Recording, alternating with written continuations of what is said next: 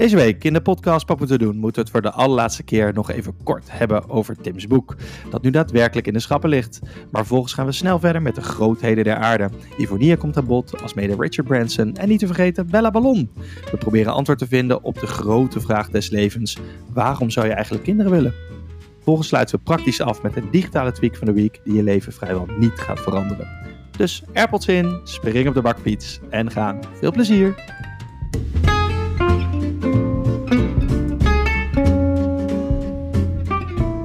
Hoi, hallo en welkom. Je luistert naar de podcast Papa Moeten Doen. De leukste podcast over de dingen die papa's doen. Met thuisblijf papa Tim en thuiswerk papa Maarten. Hallo, goedemorgen, goedenavond.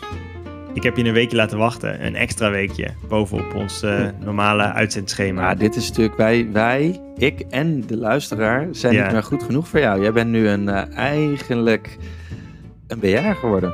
Nee, nee, nee, nee, het is, dat is het niet, dat is het niet. Oh, Nee, ehm, ik ben gewoon even vreemd gegaan. Ik denk, ik, ik biecht het maar meteen even op. oh jee. Ja, dus we zouden eigenlijk vorige week opnemen. En ehm, ja, ik was natuurlijk heel druk met, me, met mijn boek. Maar dit kwam omdat ik een podcast ging opnemen voor Podimo. Daar mocht ik een podcast voor opnemen en die, daar kan ik binnenkort meer over zeggen. Dus dat was eigenlijk de reden dat ik dacht, nou ja, dan moeten we maar een keertje een weekje overslaan. Ja, en je had natuurlijk je boekpresentatie. Niet Ja. om meteen mensen weg te jagen.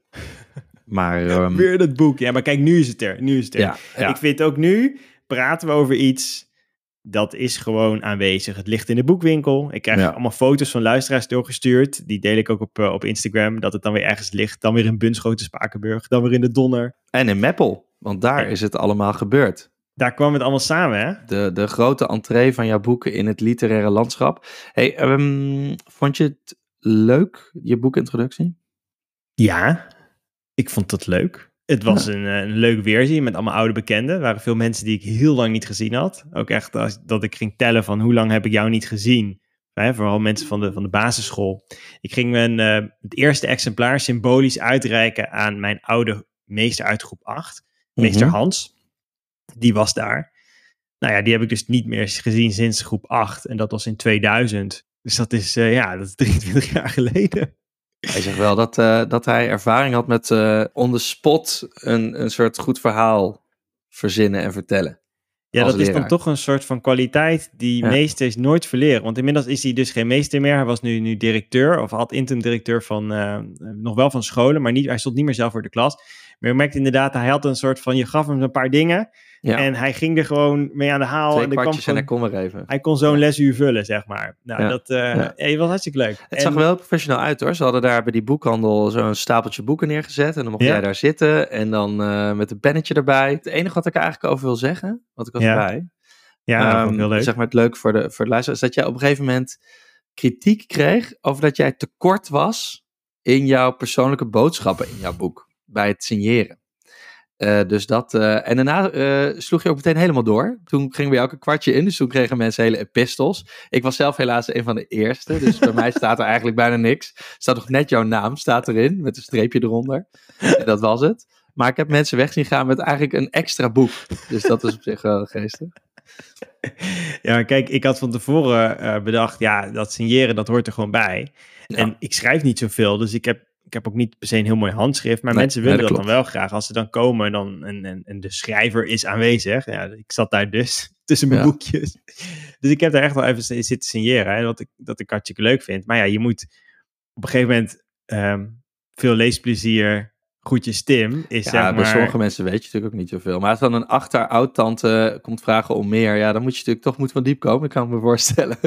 Ja, ik moest af en toe wel even nadenken van wat, hoe, hoe- ja, hoe ga ik dat dan weer... Maar het is helemaal goed gekomen, toch? Iedereen Het was helemaal, blij. goed gekomen. En, eh, ja, ja. Weet en het eh, leuke... Ja? ja, nee, ga door. Oh. Nou ja, en het leuke is, ik had dus een heel druk programma die, eh, die dag. Dus ik had s'avonds op mijn boekpresentatie. Maar ik had in de middag, eind van de middag, mocht ik bij Tijd voor Max zitten. Ja, De talkshow van Omroep Max. heel professioneel zag het er allemaal uit. En Omroep Max kennen wij natuurlijk. Want eh, ja, je ouders zijn daar natuurlijk, ja, die behoren gewoon tot, eh, tot het interieur inmiddels. Die Nee, gewoon- zeker. Ja, die hebben we hebben uitgebreid in het eh, vorige seizoen gesproken over hun reis eh, door Spanje, die tot in detail gevolgd is door Omroep Max. Ja. Dus wij zijn groot fan. Ja, dus dat, ik zei het ook gewoon van ja, ik ben gewoon, ik ben gewoon bekend met de ouders van Maarten. En toen gingen ook allemaal deuren open die... waarvan ik het bestaan niet eens afwees, dus zat ik En opeens... hè. jij een caravan. En jij een Oh nee, dat was het niet. Ja, nou, dat was, dat, was, eh, dat was een hele ervaring om daar dan te zitten. Ja, ze hebben dus een talkshow en daar zitten dan mensen aan een tafel. En ik was een van de gasten, ik was de eerste. Ik dacht misschien is het leuk als we er even een stukje uit laten horen. Toen, toen jullie dan besloten van oké, dan blijf jij eh, thuis als vader. Had je toen enig idee waar je aan begon? Ja, ja eigenlijk, eigenlijk niet. Bijna niet. Ik moet eerlijk zeggen dat ik het idee pas kreeg toen ik erin zat en toen er eigenlijk geen weg meer terug was. Nou, dat klinkt een beetje negatief. Maar dat je op een gegeven moment gaat zien wat er allemaal in huis moet gebeuren. eh, om het gewoon geordend te houden. En gelukkig hielp mijn vrouw er ook nog steeds bij. Maar ja, dat was ook nodig. Ik merkte dat ik gewoon overliep en eh, dingen vergat. Nog steeds dingen vergeet. Ze me daaraan moest herinneren. En ehm, ja, het gaat heel geleidelijk. Heb je echt wel eens van die momenten gehad dat jouw vrouw thuis kwam van werk en dat je in een hoekje zat? Huilend Ja, in de echt? keuken. Ja, en dat ik zei, nou, s ochtends al om tien uur. en dan werkte zij boven, dus dan hoorden ze mij. En dan kwam ze naar beneden. En dan eh, zei ze, wat is er hier aan de hand? En dan had mijn dochter, die had iets van tafel gegooid... en die had mijn zoon geslagen. En dan is één grote chaos. Ja, dan moet de dag nog beginnen. Ja. En dan denk jij, oh jee, hoe ga ik dit nou weer eh, overleven? En dan, Ja. dan pepte ze me op en dan zei joh, je kan het, ga even douchen. en eh, dan kwam ik weer terug en dan, tada! Ik zie de headline wel voor me. Thuiswerk papa, gered door thuiswerk mama. Oh nee, wat zei ik? Thuis blijft papa, gered door thuiswerk mama. Dat is het. Nou, ik geloof niet dat, het, dat er heel veel headlines eh, hier naar aanleiding van dit item zijn geweest. Maar ik... eh, nou, we gaan dadelijk gaan we nieuws maken, toch? Ja, we gaan daar. Er komt er komt Dus, hier zo eh, meteen een anekdote. Als je nu luistert en denkt, oh, ik wil er wel meer over weten. Hoe was het achter de schermen bij Tijd van Max? Nou, bear with us, want zeker, daar gaan we nog even diep op in. Wij gaan naar de papmomentjes. Tuut, tuut. Ja, ik had er helemaal over nagedacht. Want eh, we zouden eigenlijk vorige week al opnemen. Het was net carnaval geweest. Daar ga ik zo nog wat over zeggen. Vannacht Vannacht, cliffhangers hoor, deze aflevering. maar, van- vannacht waren er ook echt genoeg papa-momentjes. Mijn dochtertje was ziek. En het was weer gewoon als van ouds. Als in, ik kreeg helemaal flashbacks naar toen, toen ze nog een babytje was. Als in, nu is ze anderhalf ruim, dus dat is allemaal nog best wel recent. Maar vannacht was ze een beetje ziek en het was echt weer 17 keer eruit. En op een gegeven moment maar in bed. En het was echt, ik kreeg echt helemaal een soort rillingen van hoe dat dan is als je net, net ouder bent. Maar goed, Echt zo'n horrornacht. Op zich wel een goede graadmeter om even te kijken of jullie in de, maar in de, in de game zijn voor een, eh, voor een derde, derde kind. Ja. Nou, kijk, de relatie houdt het denk ik wel. Maar Ja. ik denk dat ik persoonlijk gewoon het niet meer, niet meer aan kan. Nee, maar het is toch goed om even te, het even te peilen waar je staat. Want ik merk dat juist dat mensen idealiseren het. Of dit vergeet je vaak, dit soort dingen. En de enige manier om weer even te realiseren hoe het is, Ja. is om het weer gewoon echt te ervaren. Ja, ik weet alleen wel dat als je er eenmaal in zit, dan is het net zo erg. Maar dan ga je er toch iets meer in mee of zo. Dan, want dan, dan weet je, ja, oké, dan, dan het is niet anders. Maar Maar- goed, maakt niet uit. Maar goed, waar ik het eigenlijk even kort over wilde, was toch ehm, het, het carnaval. Dat is ja. alweer even geleden voor de mensen. Maar ehm, daar zat voor mij een eh, heel weekend aan eh, entertainment eh, in verscholen. Ja, maar jou, jouw kinderen doen er dan aan mee, denk ik. Dan. Nou, ik ben zelf niet zo carnavaller, maar mijn vrouw wel. En in het dorpje waar zij vandaan komt, en daar is zo, dan wordt het dorpshuis omgebouwd tot een soort van tent. En dan, daar, daar is dan van alles overdag voor kinderen en s'avonds voor, voor volwassenen. Dus. En nou, misschien om even heel kort de setting te schetsen. ja, we, waren graag. middag, we waren naar het middagprogramma en daar was dan een hoofdact, ook voor Mhm. de kinderen. En dat was Bella Ballon. Jij hebt Bella Ballon niet gezien live. maar Gaat misschien- geen belletje rinkelen bij Nee, Bella maar Ballon. misschien moet jij eh, voor heel even erbij pakken en dan moet je even heel kort omschrijven hoe Bella Ballon eruit ziet. Bella Ballon. Ja. Even kijken, ik zie een Instagram.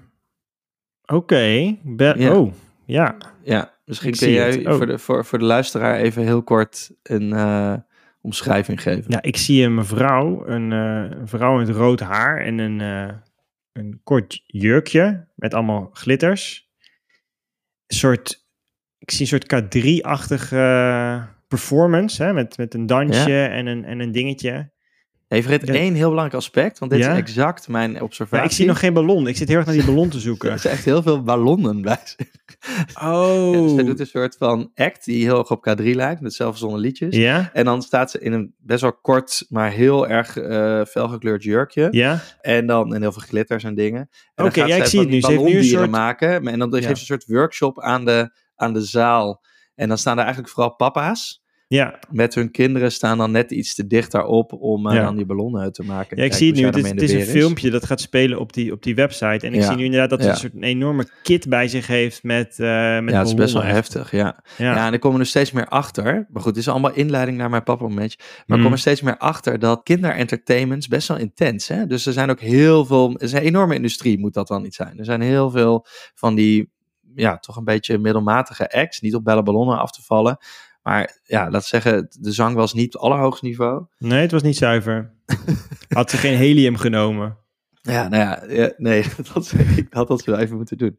Maar goed, het is dan toch grappig. Maar het zijn allemaal van die acts die dan soort, dat, dat is een hele, hele industrie. Mijn, eh, mijn met naamste moment was dat in die ruimte, dus er wordt dan een hele harde muziek gedraaid, echt heel hard. Ik dacht, dat is ook niet goed voor de oren van de kinderen, maar goed, eh, Nee. misschien is dat in het eh, Zuidoosten allemaal anders. Je ziet op dat soort momenten, die een beetje uitgesproken zijn, weet je wel, waar je gewoon, eh, je, je, je vindt dat leuk of niet eigenlijk, Hm? dat je, zie je een soort langzamerhand die karakters van die kinderen ontstaan.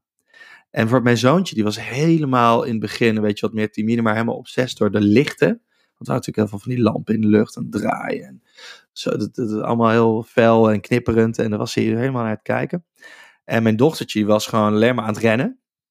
Dus was hele tijd kwijt. Die was alleen maar aan het rondrennen, achter iedereen aan. En op een gegeven moment komt iedereen er dan wel in, want ze sleuren je dan wel mee. Dus op een gegeven moment staat iedereen te dansen, weet je wel. Jij ook, met bellenballon. Nou, niet met Bella Ballon, maar in de nabijheid van de Bella Ballon met mijn kinderen.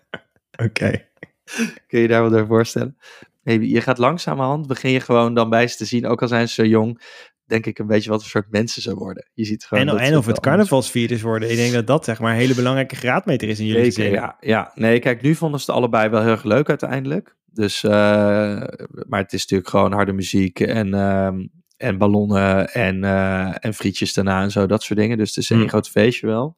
Maar ik- als ik nu moet kiezen, denk ik dat mijn dochter wel op een gegeven moment alleen met mijn vrouw naar carnaval toe kan. Ja, precies. En dan, ja, ja, precies. Ja. Ja, wat fijn is, weet je wel. Ja. Ja. Nee, ja, het is helemaal, helemaal mooi toch? I- Ieder zijn ding. Ja, ja. Ehm, ik heb iets anders. Dit heeft ook te maken met kinderen die wegrennen. En dan met name hoe ver ze van je vandaan lopen. Voordat je kan zeggen dat, dat je ze kwijt bent. Dus Mm. ik merk dat mijn kinderen inmiddels de weg kennen in de, in de buurt hier. En we zijn op meerdere plekken. Als we uit school komen, dan zitten we op een, een pleintje. En ze zijn comfortabel in de omgeving. Nou, dat is op zich hartstikke mooi. Maar ik merk nu dat er, er ontstaat een situatie waarin ze af en toe te comfortabel zijn. En zeker mijn, eh, mijn jongste, die is, nu, die is nu drie, die, die kan echt opeens weg zijn. En dan moet ik hem gaan zoeken. En dan is hij met iemand meegelopen die dan al naar huis is. En dan vind ik hem ergens. En nou, vind ik heel vervelend. En hij lijkt daar eigenlijk ook helemaal niet zonder indruk zijn. Hij vindt het niet meer dan logisch dat ik er op een gegeven moment weer ben. Dus er is heel veel vertrouwen dat ik hem weer kan vinden. Ik heb mijn dochter trouwens een keer gehad. Die was verstoppertjes aan het spelen op dat plein. En toen zag ik dat het meisje waarvan ik wist dat hij het laatst aan het zoeken was. Die zag ik naar huis gaan met de moeder. Dacht ik, hé, hey, dat Ah. is gek. Maar mijn dochter is nog ergens verstopt. En die had dat niet gezien. Dus zij was nog verstopt terwijl het spel was afgelopen. Doordat een van de belangrijkste personen van het spel naar huis was gegaan.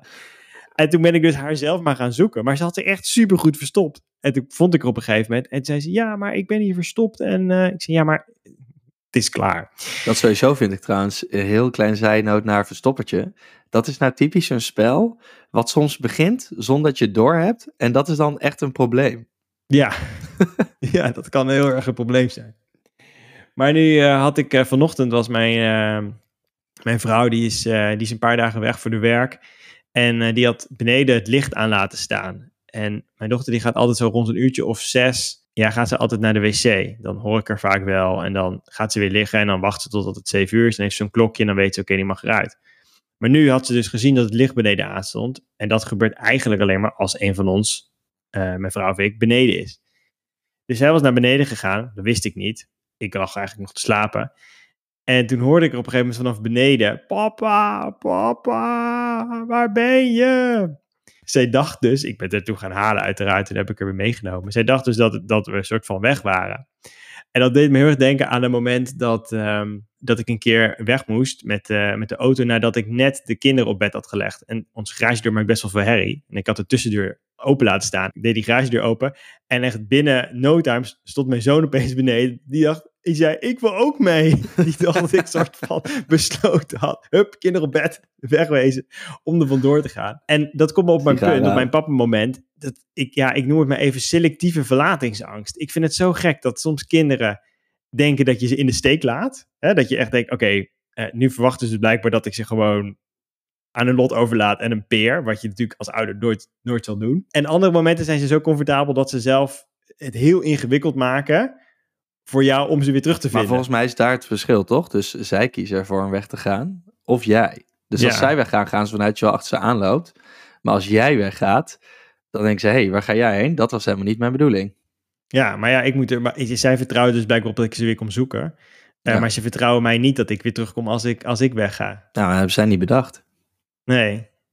Ik vind dat heel gek. Ik zou, voor mij is dat namelijk één en hetzelfde ding. Weet je. Ik zou hun nooit in de steek laten, maar ik hoop dus dat ze mij ook niet in de steek laten. Dat is ook gewoon niet zomaar opeens. Ja, maar Uit wacht mijn maar zicht tot jij, eh, tot jij een keer er niet bent. Dus dat, dat je zoontje inderdaad weg is. En dat hij eh, op een gegeven moment jou echt kwijtraakt. En denkt, ik wil nu terug. Maar papa is er niet. Ja, dan raakt hij misschien wel in paniek. Maar ja, dan ben ik ook Ja. in paniek. Zijn we allemaal in paniek. Nee, daarom. Ja, dat is ook wel eens heftig. Goed. Tot zover.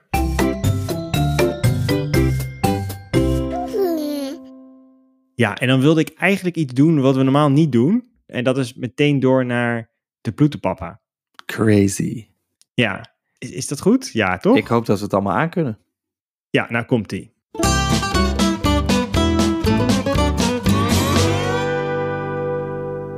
Ja, want dit verhaal moet me echt even van het hart. Ik wil je heel graag even meenemen in iets wat er achter de schermen gebeurde bij Tijd voor Max. Ja, hierbij programma- lossen we de cliffhanger in, toch? Ja, dit programma heeft wel wat losgemaakt bij mij. En dan eh, niet zozeer over mijn eigen performance, daar mag iedereen los over be- beoordelen. eh, dat heeft ook heel veel losgemaakt bij mij. heeft ook heel veel losgemaakt. Dit gaat veel meer over wat, er, wat daarachter gebeurde. Ik wist dus dat ik het eerste item zou zijn in die aflevering. Zo'n aflevering duurt 40 minuten. Ik kom eraan. eh ik heb een kleedkamertje. Naast mij zit een, een een mevrouw van Heel Holland Bakt België. Of Heel België Bakt. Nou ja, dat programma.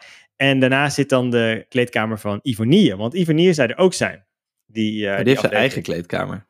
Ja, iedereen had een eigen kleedkamer. En er Oh, stonden dan wat chic. drankjes en dingetjes en zo. En dan hangt dan een foto van Gerrit Joling. En nou, allemaal hartstikke gezellig. Eh, dan word je op een gegeven moment opgehaald. En dan moet je naar de, naar de make-up. Dan doen ze zeg maar je, je glimneus even een soort van afpoeieren. En dan, eh, nou, dat, dat, dat is het dan. En dan krijg je je geluid op en dan ga je naar de studio. Dus dat, dat ging eigenlijk allemaal helemaal prima. Tot op een gegeven moment iemand van de redactie, die nam mij apart. Die kwam mijn kleedkamer in en die deed die kleedkamerdeur een beetje dicht. Zei, we moeten even wat tegen je zeggen. Zei, oh shit, ze gaan natuurlijk mijn item cancelen. En dat was best irritant geweest, want ik was dus als eerste. Want ik moest daarna meteen door naar Meppel voor mijn eigen boekpresentatie. Dus ik kon niet de hele aflevering erbij blijven zitten, want dan zou ik ergens in het verkeer vast komen zitten. Je was alsnog niet echt op tijd hoor. Maar goed, fashionably late is prima. Ja, maar ja, weet je, Hilversum Meppel, dat ligt gewoon niet naast elkaar. Nou, ik was keurig op tijd volgens mij, maar goed. Die neemt mij dus apart, dus ik word apart genomen. En Tim, moet je luisteren, het volgende is aan de hand. We zouden een item doen over jouw boek. En daar zou Yves Menier ook bij aan tafel zitten. En dan wilden we eigenlijk wilden we dan een soort vervolgvraag stellen aan Ivo. Van, hey Ivo, hoe, hoe denk jij eigenlijk over je vaderschap? Want Yves die heeft ook kinderen.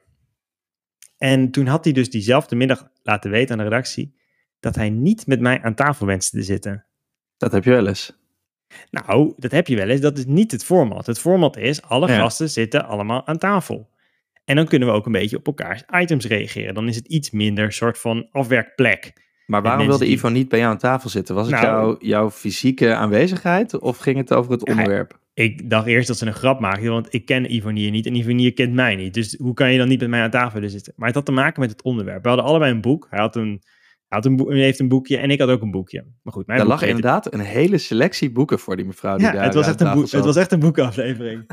nou, helemaal prima. Mijn boek lag daar gewoon eh, continu op tafel, dus dat was helemaal leuk. Maar hij wilde dus niet daar zitten en dan het risico lopen dat er dus een vraag zou komen over zijn eigen vaderschap.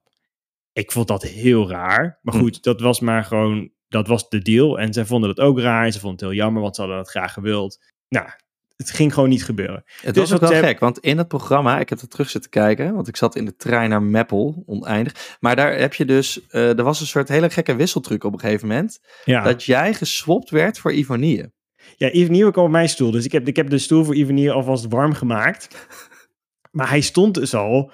Hij was gewoon aanwezig. Maar de indruk wordt gewekt aan, het, aan, aan, aan de opening van het programma dat hij er nog niet is. Want later schuift ook Ivonie aan. Ja. Maar dat was zeg maar gewoon puur omdat hij niet daar aan tafel wilde zitten. Maar, maar, maar, maar. Ja, heel gek. Maar nu komt het. Ik, ik had zoiets, nou ja, het is, het is wat het is. Dus ik, ben, ik ga op een gegeven moment in, er komt er een soort van clipje. Of die, die, die kok die gaat wat zeggen. Die daar in die, eh, die, die oven is trouwens helemaal niet aangesloten. Er zit, er zit alleen, dat alleen het lampje doet het van die oven die in dat Maar hij keuken- geeft ook wel toe dat hij dingen had voorbereid. Ja, ja, ja. Ziet wat ik dit programma nooit zie. Nee, trouwens nog een ander leuk detail is dat er, er zit zo'n, zo'n eh, ik kom straks weer op dit verhaal terug hoor, maar er zit, een, eh, zit zo'n tuintje zit er in die studio, dus een soort van plastic boompjes en plantjes en zo staan er. En toen vertelde me iemand van dat wisten ze blijkbaar vier keer per jaar, dus het is de vier seizoenen. Maar er staat tussen, staat er, tussen al die plantjes, er staat een, een kleine oranje, zeg maar in de kleur van het logo van Omroep Max, tuinkabouter. Heel klein tuinkabouter. En die zei, ja, die verplaatsen we altijd. Eh, een soort van grap, een soort van Elke running gag onder de, onder, de, onder de crew. Maar die staat dus met zijn middelvinger omhoog. Oké, dus de volgende keer dat je dat kijkt, dan kun je hem zien. Maar die man, volgens mij was dat de, de, de hoofdre of de regisseur, zo, die zei, ja, we hebben nooit klachten over gehad, dus we laten het gewoon staan. Ah, jij hebt het nu onthuld, dus eh, nu, Ja, nu komt ja, het ik weet glazen. het niet. Nu gaan de mensen bellen of zo. Maar ehm, nou, terug goed, naar Ivo. terug naar Ivo. Ik word opgehaald, ik ga van mijn stoel af. Ik geef Ivo nog een handje, terwijl hij daarachter staat. Zo, Ivo, ik heb de stoel voor je opgewarmd, ga lekker zitten, succes ermee. En En ik ga je dus- leuk tegen jou wel? Nee, nee, ik krijg een heel slap handje en uh, nou, werd amper gereageerd. En hij gaat daar dus zitten. En hij, uh, hij doet zijn ding. En er waren, zeg maar, in plaats van dus dat Ivo daar zou zitten, waren er twee mensen van de band die speelden, waren daar neergezet. En die hebben de hele aflevering niks gezegd. Dat Ja, is een een soort decor. een soort van tafelvulling. Uh, vond ik ook een beetje sneu voor die mensen. Maar ik ga vervolgens door naar Meppel. Ik uh, krijg nog een fles wijn en uh, toedeledokie. Maar dan lees ik in de Volkskrant het volgende. Een heel groot interview met Ivonie. Jaloersmakend groot, want het gaat over hem en over zijn boek. Dus ik denk, nou, dat... Uh, overigens stond ik ook in de Volkskrant, mocht iemand daar geïnteresseerd in zijn. Maar niet met een interview, maar met een meer een inhoudelijk artikel. En in dat interview, dat gaat dus helemaal over dat boekje van hem en zo. En nou, allemaal niet zo interessant. En dan krijgt hij op een gegeven moment de vraag, hoe was u als vader? Dus ik, ik spits mijn oren en ogen. Ik wat gaat hij nu zeggen? En nu komt het, ik citeer. In het interview dat er zeg maar de dag nadat hij niet met mij aan tafel wilde zitten bij Omroep Max, Hm. omdat hij niet met over het vaderschap wilde praten, zegt hij dus het volgende op de vraag hoe was u als vader. Ik had mezelf nooit als vader willen hebben, want ik was altijd met mijn hoofd bij het werk. Nou, een stukje verder. Ik heb ze nooit voorgelezen. Dat is een schandaal. Dat vind ik echt heel erg. Dan staat er, denkt even na. Het gaat wel weinig over het boek, vind ik, tot op heden. Als je me opschrijft dat het een leuk boek is, dan vind ik het goed. Einde citaat. Ja, dus het blijft altijd zo. Hij blijft altijd met dat werk bezig. Maar ik kan me dus voorstellen, want zijn interview is natuurlijk niet de dag daarna opgenomen of afgenomen. Dus ik kan me voorstellen dat misschien hem dit bijna wel op gedachten heeft gezet.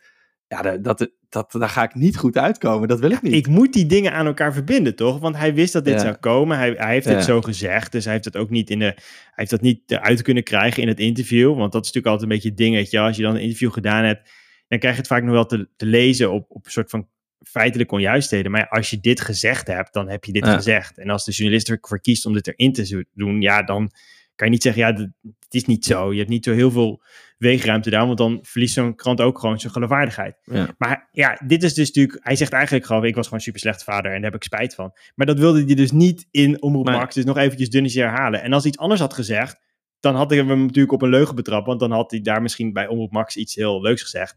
En dan de volgende Ah, dag ja, in de kijk, weet je wat het is? Kijk, hij zit. doet het nu in dat interview. Doet, hij zegt dat. Hij zegt dat vind ik heel erg. En vervolgens draait hij het meteen weer naar dat boek. En gaat het natuurlijk gewoon verder. En in dat Omroep Max, als je zo'n soort onthullingje doet, dan vraagt dat om een soort verdieping. Om vervolgvragen. En dan heb je kans dat dat hele onderwerp uitgeplozen dient te gaan worden in een paar minuten. Ja, dat, Ja, en dat dan- en eh, dat dan dat, zijn dat eigen wilde boek. hij niet. Ja, het is ook wel gênant toch dat je dan in zo'n Volkskrant interview dan op een gegeven moment zegt, ik vind dat het te weinig over een boek gaat. Als je maar opschrijft dat het een leuk boek is, vind ik het best. Ja, sorry hoor, maar kom op. Ja, maar Ivo die kan dat allemaal hebben. Want eh, hij is Ivo, weet je wel. Er zijn gewoon van die mensen die gaan al zo lang mee, die kunnen dat gewoon allemaal maken. De grote der Ehm, aarde. Door naar iemand anders die het ook kan maken. Want jij hebt een documentaire gekeken op HBO Max. Ja, klopt. En die documentaire die gaat over Richard Branson. We kennen hem wel.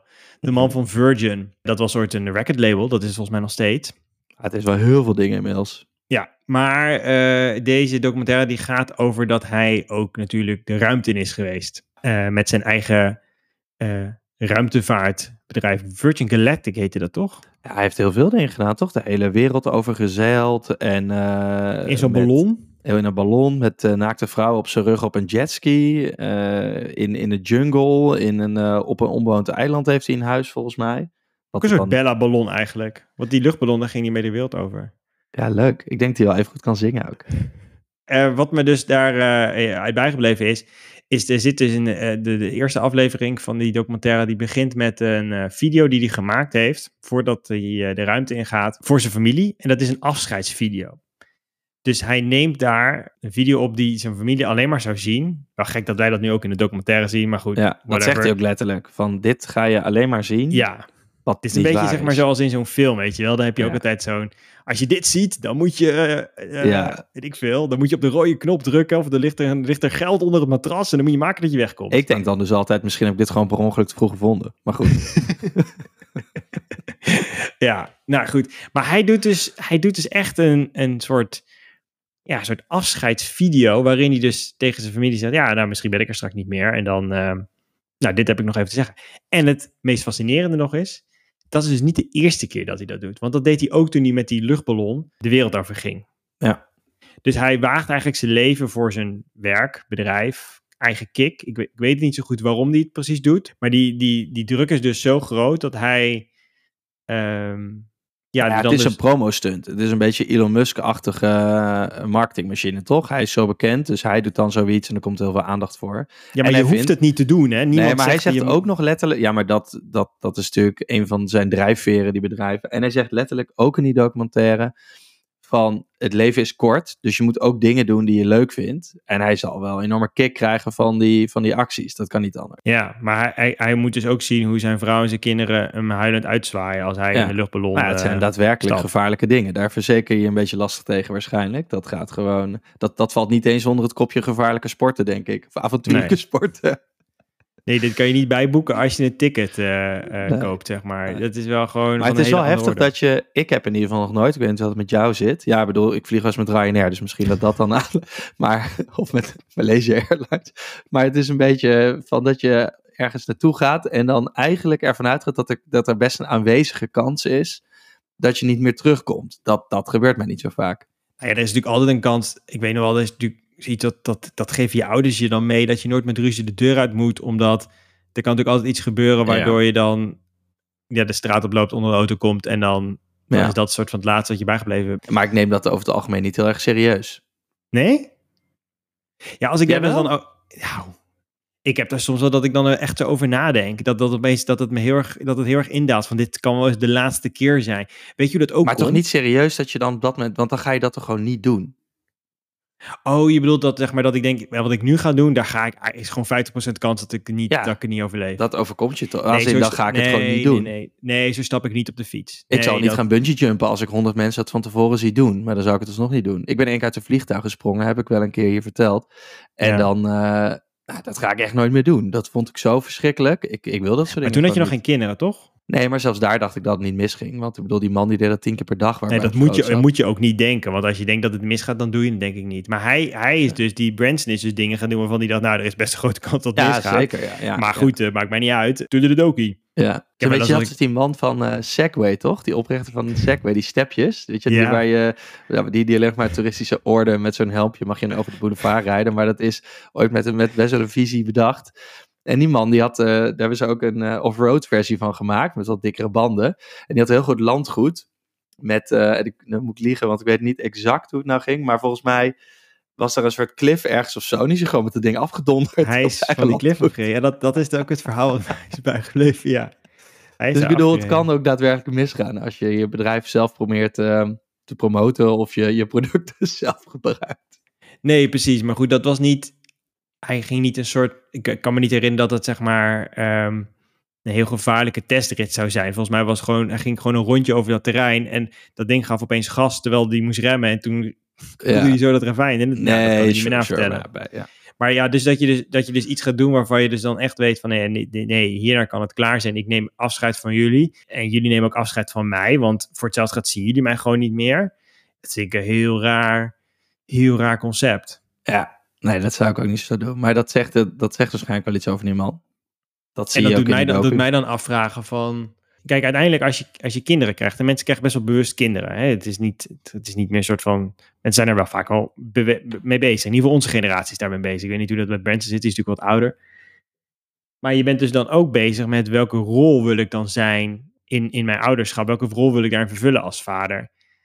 En als er Maar dan daar dus kun je dan- dus wel spijt van krijgen ook. Ik bedoel, Ivo die zegt letterlijk, eh, ik heb, dat, dat, dat vind ik heel Maar dat is een klassieker, hè, wat, wat, wat Ivo hier doet. Want dat hoor je heel vaak. Ja, Want heel veel mensen die, ja. ja, die op hun sterfbed liggen. Er is dus een keer iemand die heeft een lijstje bijgehouden op top 1 van de dingen die mensen dan zeggen voordat ze de pijp uitgaan. Is dat ja, ik had, ik had minder moeten werken, ik had meer tijd met mijn kinderen kunnen doorbrengen. Ja, ja, dat is wel klassiekertje. en dat, is dan, dat klinkt dan allemaal, dat grijp je dan even naar je hart en dan ga je daarna ga je weer door met eh, Excel-sheets invullen.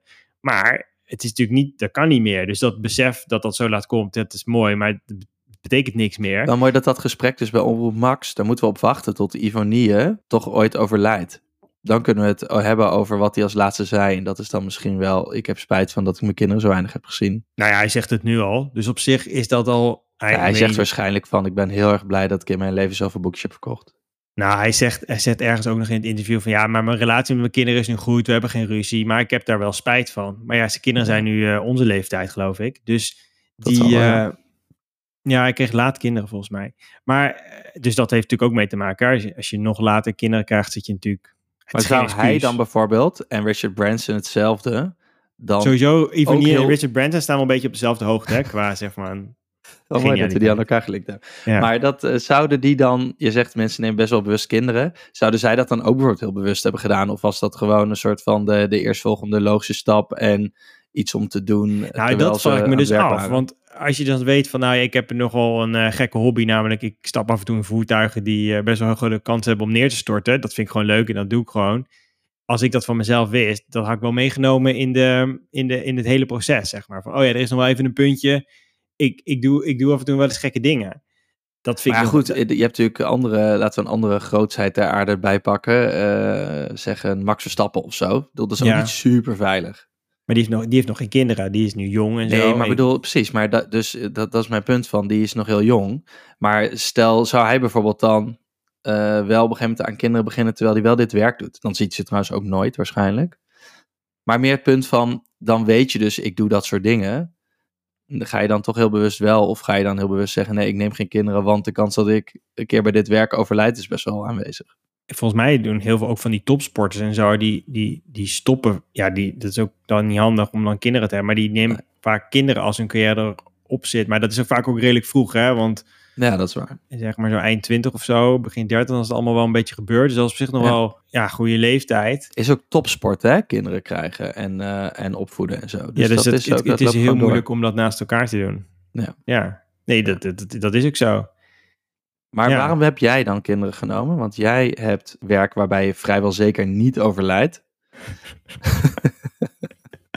Volgens mij is er een soort uitdrukking. Het is heel gevaarlijk dat ik dit niet uit mijn hoofd ga doen, maar volgens mij is een soort uitdrukking van dat, dat er geen sterker wapen is dan de pen of zo. Precies. Ja. Nou, maar bij Die- jou zou je nog kunnen beargumenteren dat jij kinderen hebt genomen, dat je daar later dan eh, je werk van kon maken. Dat is grappig dat je dat Met een zegt. boekje. Ik Maar heb dat dus, is volgens ik had, jouw boek niet ik zo had een interview op ehm rtlnieuws.nl. En die hebben ook een eh, Twitter-account. Dus die hadden dat geplaatst. Dat linkje naar dat interview. En eh, er staat dan, nou ja, Tim, thuisblijfvader, bla bla bla. En dat iemand onder, onder gereageerd van, oh, dat heeft hij alleen maar gedaan om er een boek over, over te kunnen Ja.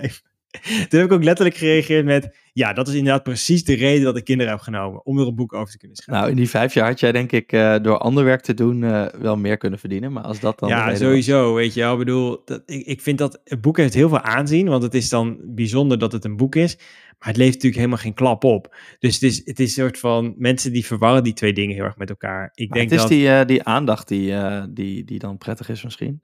Alleen Ja. volgens jouw boek is het heel anders gegaan. Hè? Dus je bent, eh, de, je bent er meer ingerold. Maar dat is ook allemaal fijn. Ja, maar ik denk dat, dat uiteindelijk dat, dat, dat voor heel veel mensen geldt, toch? Ik bedoel, ik. ehm, Tuurlijk, het is denk ik ook voor veel mensen een soort logische volgende stap.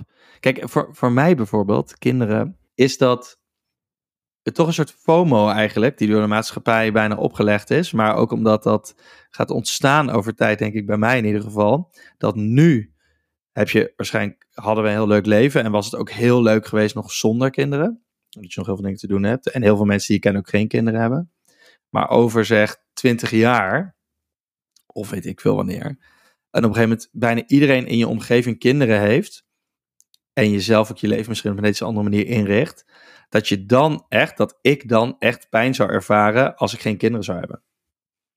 Gewoon op een personal level, zeg maar. En dat dat misschien en, en voor mijn vrouw zou het al helemaal zo zijn, weet ik zeker. Het doet dan pijn dat je een kans hebt laten liggen en je kan dat, je kan dat dan niet, je kan dat niet als, alsnog doen. Nou, ik denk gewoon dat de pijn later echt groot wordt. En dat, dat wou ik voorkomen. Dus, en misschien is dat niet zo. Uh, en dat is natuurlijk voor mannen wel anders dan voor vrouwen. Want als jij over twintig jaar zou bedenken, ik wil nog kinderen, dan is het nog wel, uh, is nog wel een mouw aan te passen, zeg maar. Ja, dat had gekund, ja. Ja, ja maar ja, dan, dan ga je ervan uit dat je relatie daarmee ook uh, voorbij is. Ja, maar goed, dat zijn toch twee losse dingen, relatie en kinderen. dat kan. dat kan, inderdaad. Ja, maar ik wilde die twee niet per se uit elkaar halen bij voorbaat al. Nee, nou, dan, moet, dan, moet je, dan moet je kiezen. Nou, dat uh, hebben we toch gedaan. Maar dat, dus dat, dat is voor mij in ieder geval, dat is niet de enige reden. Maar ik heb niet de illusie dat mijn leven nu alleen maar op dit moment alleen maar leuk zou zijn met kinderen. Alleen, ik denk dat, de, de, dat het nu ook heel leuk is met kinderen. Maar ook zonder dat gekund. En dat de pijn van geen kinderen hebben eigenlijk later komt. Dat is mijn gedachte daarbij. Ja, ik denk dat ik dat, dat gemis, ik weet het niet hoor, maar dat, dat, dat, dat gevoel, ik had al zoiets al eerder. Dat ik denk, ja, ik kan, het, kan nog wel een paar jaar zo, zonder kinderen zijn. Maar dat voelt ook wel, ik voelde daar ook niet heel veel, dat het nog heel veel toevoegde. Dus ik had ook zoiets van, ja, ik, ik, kan, ik kan ook wel heel veel vrede hebben als dat dan nu klaar is. Dus ik had, je had echt mezelf... het, doel van, het doel van je leven haal je uit de voortplanting. Nou, niet zozeer het doel van mijn leven, maar ik had meer, ik had het doel nodig. Ik had wel zin in een doel. Ik was 30 en ik had niet echt een ja. doel, want ik was gewoon aan het werk en uh, aan, uit eten aan het gaan en op vakantie aan het gaan. Dat, dat is niet een doel, dat is gewoon, ja. En dan kinderen, dat is wel, uh, ja. Dat, dat, is wel een doel. Dat is wel een doel. Dus ik, ik vond het wel lekker om dat doel te hebben. En tuurlijk is het zwaar. Natuurlijk denk je af en toe van, oef, ik kan er een boek over schrijven. Maar ja, ik had, wel, dat, ik had dat al wel. Ik had niet zoiets van, uh, als ik dat ik nog, ja, ik had, ik had wel het moment, ik, ik wilde het wel. Toen ik op een gegeven moment ook dan die switch maakte, dacht ik van, oké, dan wil ik nu, dan wil ik dat nu ook wel hebben of zo. Dan is het niet, zeg maar, Alleen van, ja, dat ik is moet nu even de pijn dat... nemen, zodat ik later niet, niet er spijt van krijg. Alleen het is grappig dat wij daarna natuurlijk wel heel erg hebben nagedacht over hoe je dan die balans gaat creëren tussen je, het leven wat je had, zeg, eh, zeg werken en je sociale leven, en dan daarna kinderen. En daar heb je een balans in gecreëerd waarbij jij, nou, dus, nee, weet je wel, we gaan het nooit meer, we willen nooit meer over hebben, maar jij bleef thuis. En ik heb dat op een andere manier ingericht. Maar daar heb je wel bewust een soort keuze in gemaakt. Terwijl zeg een uh, Ivonie in ieder geval, die zegt gewoon, ja, ik heb gewoon voor werk gekozen nog steeds. Ja, maar die, die, kinderen die, die waren er toevallig. Nee, klopt. En dat is natuurlijk, daar hebben natuurlijk heel veel vaders die doen dat. En nog steeds doen heel veel vaders dat. Dus die, die keuze, jij doet, doet nu van ja, daar hebben wij een keuze in gemaakt. Maar daar maken heel veel mensen niet een bewuste keuze in, want dat gaat gewoon, dat gaat gewoon verder. En dat komt natuurlijk al in Nederland, als je in loondienst bent, krijg je verlof. Dat is dan nu max vijf weken of zo, krijg je nog betaald. Maar daarna wordt eigenlijk gezegd, joh, ga maar lekker buiten de deur je dingen doen.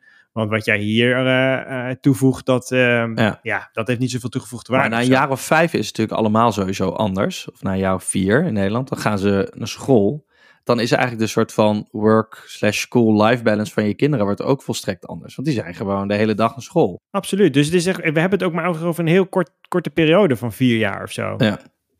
Nou ja, dan heb je misschien, nou ja, zeg vijf, zes, want je hebt natuurlijk nog, nog een ander kind misschien. Maar zo lang duurt, dan duurt het helemaal niet. Dus het is heel raar dat, dat, dan, dat we dus heel vaak zo krampachtig door blijven werken. En ergens is het natuurlijk logisch, want heel veel gezinnen hebben twee inkomens nodig. Dus soms is het ook gewoon, ja, het is gewoon financieel niet haalbaar. Ja. Maar het is wel gek dat we dus die dat die A niet heel erg bij stilstaan van hey, we kunnen ons leven ook anders inrichten. En soms betekent dat dus dat we met minder geld moeten rondkomen, of dat we iets anders moeten organiseren, of dat we ergens anders moeten gaan wonen. Of nou ja, weet je, dat je gewoon überhaupt ermee bezig bent wat je zou willen doen. Dat gebeurt helemaal niet zo heel veel. Dus het feit dat, dat, dat wij dat nu bespreken en dat jij erover na hebt gedacht en, en, en ik erover na heb gedacht en er zijn meer mensen die erover nadenken, dat is, dat is op zich al goed. Want je wilt niet eindigen als die vanille. Dat je dan op een gegeven moment zegt, oh ja, ik, ja, ik heb nooit voorgelezen. Ja, daar heb ik wel spijt van. Maar, en nu maar- wil niemand meer naar hem luisteren, zeg maar, als hij gaat voorlezen.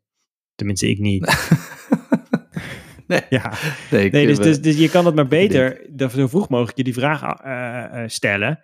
En er dus ook naar handelen. Dat vind ik heel mooi, want het is natuurlijk gewoon, het is ook gewoon fijn voor jezelf. En het is ook fijn voor je kinderen. En het is ook fijn voor je relatie. Dat je dat soort dingen gewoon allemaal doet op het moment dat het ertoe doet. Eigenlijk zou En je wel in deze tijd dat het ertoe doet, wel toch dat idee van, eh, van Branson kunnen doen. Dat je dus al wel een afscheidsbrief maakt. Maar niet zozeer omdat je weet dat het misgaat, omdat je in een raket gaat stappen.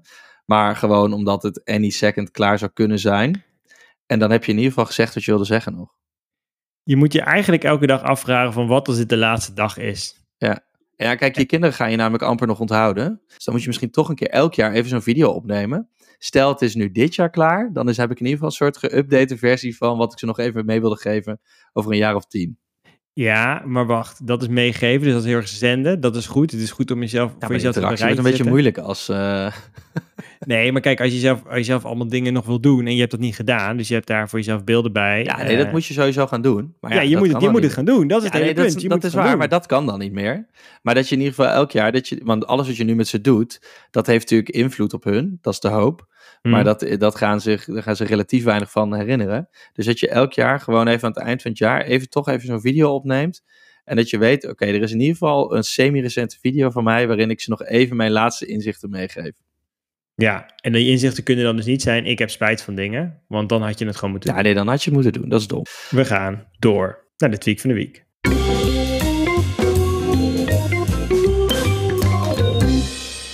Ik heb eigenlijk eh, een tweak die ik niet zou aanraden per se.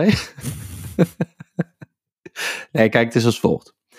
Heb jij de behoefte om een huisdier te hebben Ik de behoefte aan een huisdier. voor, voor je gezin? Ja, ergens is die er wel om, om iets, ja, ja, een beetje. Jullie hebben een poging gedaan zelfs, herinner ik me. Wij hebben zeker een poging dat gedaan is met een, eh, niet kitten. heel succesvol geweest. Inderdaad, er was, een, was tijdelijk een kat bij jullie. Ja, Eh was vooral eh, dat die kat eh, op een gegeven moment... eh, nou, er was gewoon geen match tussen de, tussen, de, tussen de kat en de verwachtingen die wij van de kat hadden. nou, ik heb een oplossing voor jou. nou, fijn. Kijk, Ja, Je zou ook een vis kunnen nemen. Alleen zo'n vis moet je alsnog verzorgen. Met eh, eten en dan kan hij doodgaan en al dat gedoe. Ik heb nu de oplossing voor alle voordelen van een huisdier. En niet alle nadelen van een huisdier. je gaat wel snel hoor, want je gaat van een kat naar een vis. Oké, en Ja, dan het is van- allemaal ruwe diamanten deze podcast. Ja. Ja, ja. nee, mijn, eh, de tweak is als volgt. Mocht je in het bezit zijn van een Google Home Hub Nest schermpje. Je weet al die Zo'n dingen die je met slimme speaker, maar dan ook met een slim beeldscherm. Ja, en je weet wel die dingen die je met Airmiles altijd een paar keer per jaar heel goedkoop bij de Albert Heijn kan kopen. Ja. Daar zitten allerlei dingen, allerlei functies op, waaronder ook spelletje. Ook Baby Shark trouwens. Dus ook Baby Shark verhaal. Ook een huisdier, toch? Ook een huisdier. Ook een Maar er vis. zit, en jij weet misschien hoe het heet. Ik weet eigenlijk niet. de Fish, Feed my fish. Feed My. Fish heet het. Ik weet waar je heen wilt. Nee, ja, precies. Want ik wist dat jij het kent. Feed Ja. My Fish heet het. Dat is een soort appje wat je dan kan openen erop. En dan open je dat en dan opent er op je schermpje, opent er eigenlijk een soort aquarium. Mhm. En in het aquarium zit alles wat je in een aquarium mag verwachten. Kleine, een huisje en eh, nou, water uiteraard. En iets wat, wat belletjes blaast. En eh, een soort kasteeltje. En vissen, obviously. Ja. Maar dat aquarium, dat eh, wordt dus ook gewoon goor. En die ehm, vissen krijgen ook gewoon honger. En dan kun je er op, die, op het schermpje te drukken, op de, de knopjes die daarvoor bedoeld zijn, kun je die vissen eten geven. En dan zie je ook echt werk dat dat erin valt en dat die vissen dat gaan eten. En je kan met een soort stofzuigertje het even schoonmaken, dat de algen weer weg zijn en zo. En je ziet ook of die vissen blij zijn of niet. Best wel fijn om te weten. Dat er toch een beetje moeilijk bij een goudvis. Eh, dan slaat het op en dan wordt het vanzelf weer vies. En dan kun je de dag Het weer verder. eigenlijk, ik, ik weet niet hoe eh, oud onze luisteraars zijn, maar het is eigenlijk een Tamagotchi. Want Het is een soort Tamagotchi, Het- maar dan voor het gezin. Dus, en het grappige is, dat ding staat bij ons in de keuken. En het staat eigenlijk naast waar wij dan aan, de, aan een soort barretje een beetje ontbijten altijd. Waar het fruit geserveerd wordt. mm, en, eh, mise en nou, place altijd bij Mise jullie. en ja. place, ja zeker. En dat wordt dan, eh, eh, dus het is een soort ochtendritueel nu, dat die vis er even bijgepakt wordt. En ja. oh ja, ja oh, het moet toch even schoongemaakt worden. Die kinderen worden zich toch een beetje bewust van, oh het moet dan eten en het eh, moet weer schoon. Eh, alleen het voordeel is dat eh, als ik de stekker eruit trek, is alles klaar. Ja, ja. ja hij, hij kan niet dood, hè? Nee, kijk, dus daarom zeg ik, ik vind het eigenlijk niet per se een tweak. Maar ik vond het een grappig element. En ik vind het grappig dat die kinderen dus ook om vragen. En dan dus eigenlijk ook wel een soort van ervaren. Oh ja, nee, we moeten dat nog even doen, weet je wel. Ja, het is een van- goede eerste stap om te kijken Ja. of je kinderen klaar zijn voor de Ja. verantwoordelijkheden die bij het een huisdier eh, Ja, komen. Ja, en dan kun je langzamerhand in heel veel stapjes upgraden naar iets wat eh, meer je aandacht vereist. En ook Ja. misschien overlijdt anders. Luguber.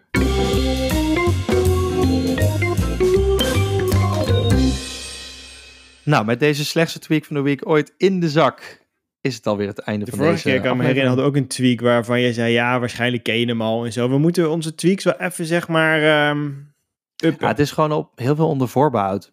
Eh, Ja, maar kijk, eh, ik denk ook dat we daar misschien ook gewoon te conservatief in zijn. Want voor hetzelfde geld is het wel life-changing. Zit nu iemand te luisteren die denkt, verrek. ja, luister, als Feed My Fish voor jou ik heb een, een keer met life-changing eh, event duizend was... ermaal zo'n schermpje gekocht. Zit er dus gewoon Feed My Fish op. Hoor ik dat nu toevallig op de Pap Moeten Doen podcast. Dit is life-changing. Ja, het is echt super. Nee, dat is ook zo. We moeten het ook benoemen eh, bij wat het is. Het is een, een life-changing event in deze life-changing podcast. Ja, en het is gewoon heel hoog. Haal eruit wat erin zit voor je, weet je wel. Dat is, dat is ook, en dat Ja. willen we ook gewoon horen. Als je, je zegt, moet wel goed heb- graven, maar het zit er zeker in. ja, ik, ik heb er iets uitgehaald. Ik, ik, ik, ik, ik heb er wat aan gehad. Laat het ons gewoon ook eventjes weten. Vinden we hartstikke leuk. Via Instagram, pap moeten doen bijvoorbeeld. Stuur ons een berichtje. Maak een story dat je aan het luisteren bent. Deel het met ons. Zie je nou waar luister liggen? je? Dat willen we ook wel weten. Is het tijdens een activiteit met de kinderen? Is het eh, op de fiets? Is het op je bakfiets? Is het om te vergeten dat, dat je nog iets anders moest doen? Wanneer? Waar luister je? Voordat je een ons. raket instapt of een luchtballon. Of Ook sta je bij een bellenballon en denk je, wat ben ik hier aan het doen? Ga je nu een video opnemen voor je kinderen omdat je ze nog iets mee wil geven, mocht het eh, allemaal eh, niet zo mogen zijn? Dat zou ook zomaar kunnen. In ieder geval, ik wil er nog even aan toevoegen. Zie je nou mijn boek, De Thuis bij Vader, nog ergens liggen? Ah, ja, sta het is heel vaak je- in hoor. Ik sta Het is ook een beetje jouw boek, in. hè? Ja. Oké, zie je nou ons boek De Thuis blijft Vader ergens liggen? Op een gekke plek of op een hele leuke plek? Maak even een fotootje, stuur het ook even op. Vinden we hartstikke leuk. En verder mogen slot. de reviews naar Apple Podcast, ratings, Spotify, Podimo, waar je ook maar luistert. We vinden het leuk om te weten of je het eh, waardeert. Je merkt wel heel veel eh, oproep tot interactie. We willen even, even, even in contact komen met de mensen, jongens. Eh, laat, laat wat van je horen. Kom op. Zoveel is niet gevraagd. Wij zijn er eh, over eh, twee weken weer. Als Tim niet te veel eh, echte BN'er eh, is en eh, moet afzeggen, dan zijn wij over twee weken gewoon weer. Het is wel heel BN'eriaans om af te zeggen voor dingen. En dan op het laatste nee, komt toch niet. Klopt. Nee, klopt. daar wil ik helemaal geen gewoonte van maken. Ik ben nu weer BN'er af. Ik ben nu weer gewoon eh Oké. Thuis blijft kort. papa Tim van de podcast. Dan blijf je altijd op CA naar hangen, toch? Dat is gewoon een soort van... eh, Nou, ik, ik weet niet. Volgens mij, dat, dat schaalt wel af hoor. Dus op een gegeven moment ben je ook gewoon die status weer kwijt. Het is een beetje zoals bij de Sims, weet je wel. Als je dan op een gegeven moment heb je een status, maar als je er niet aan blijft werken, dan Ja. voordat je het weet lig je weer in de goot. Een soort feed my fish, het wordt steeds gorder. Niet iedereen kan Ivanier blijven. We, we doen helemaal geen banners trouwens. De banners is niet, ehm, dat is helemaal niet ons ding. Wij zijn anti-banner. is goed. Volgende keer We- zit ik een keer alleen. Veel plezier. Oké. Dag. Succes Dag. met je kinderen. Doei.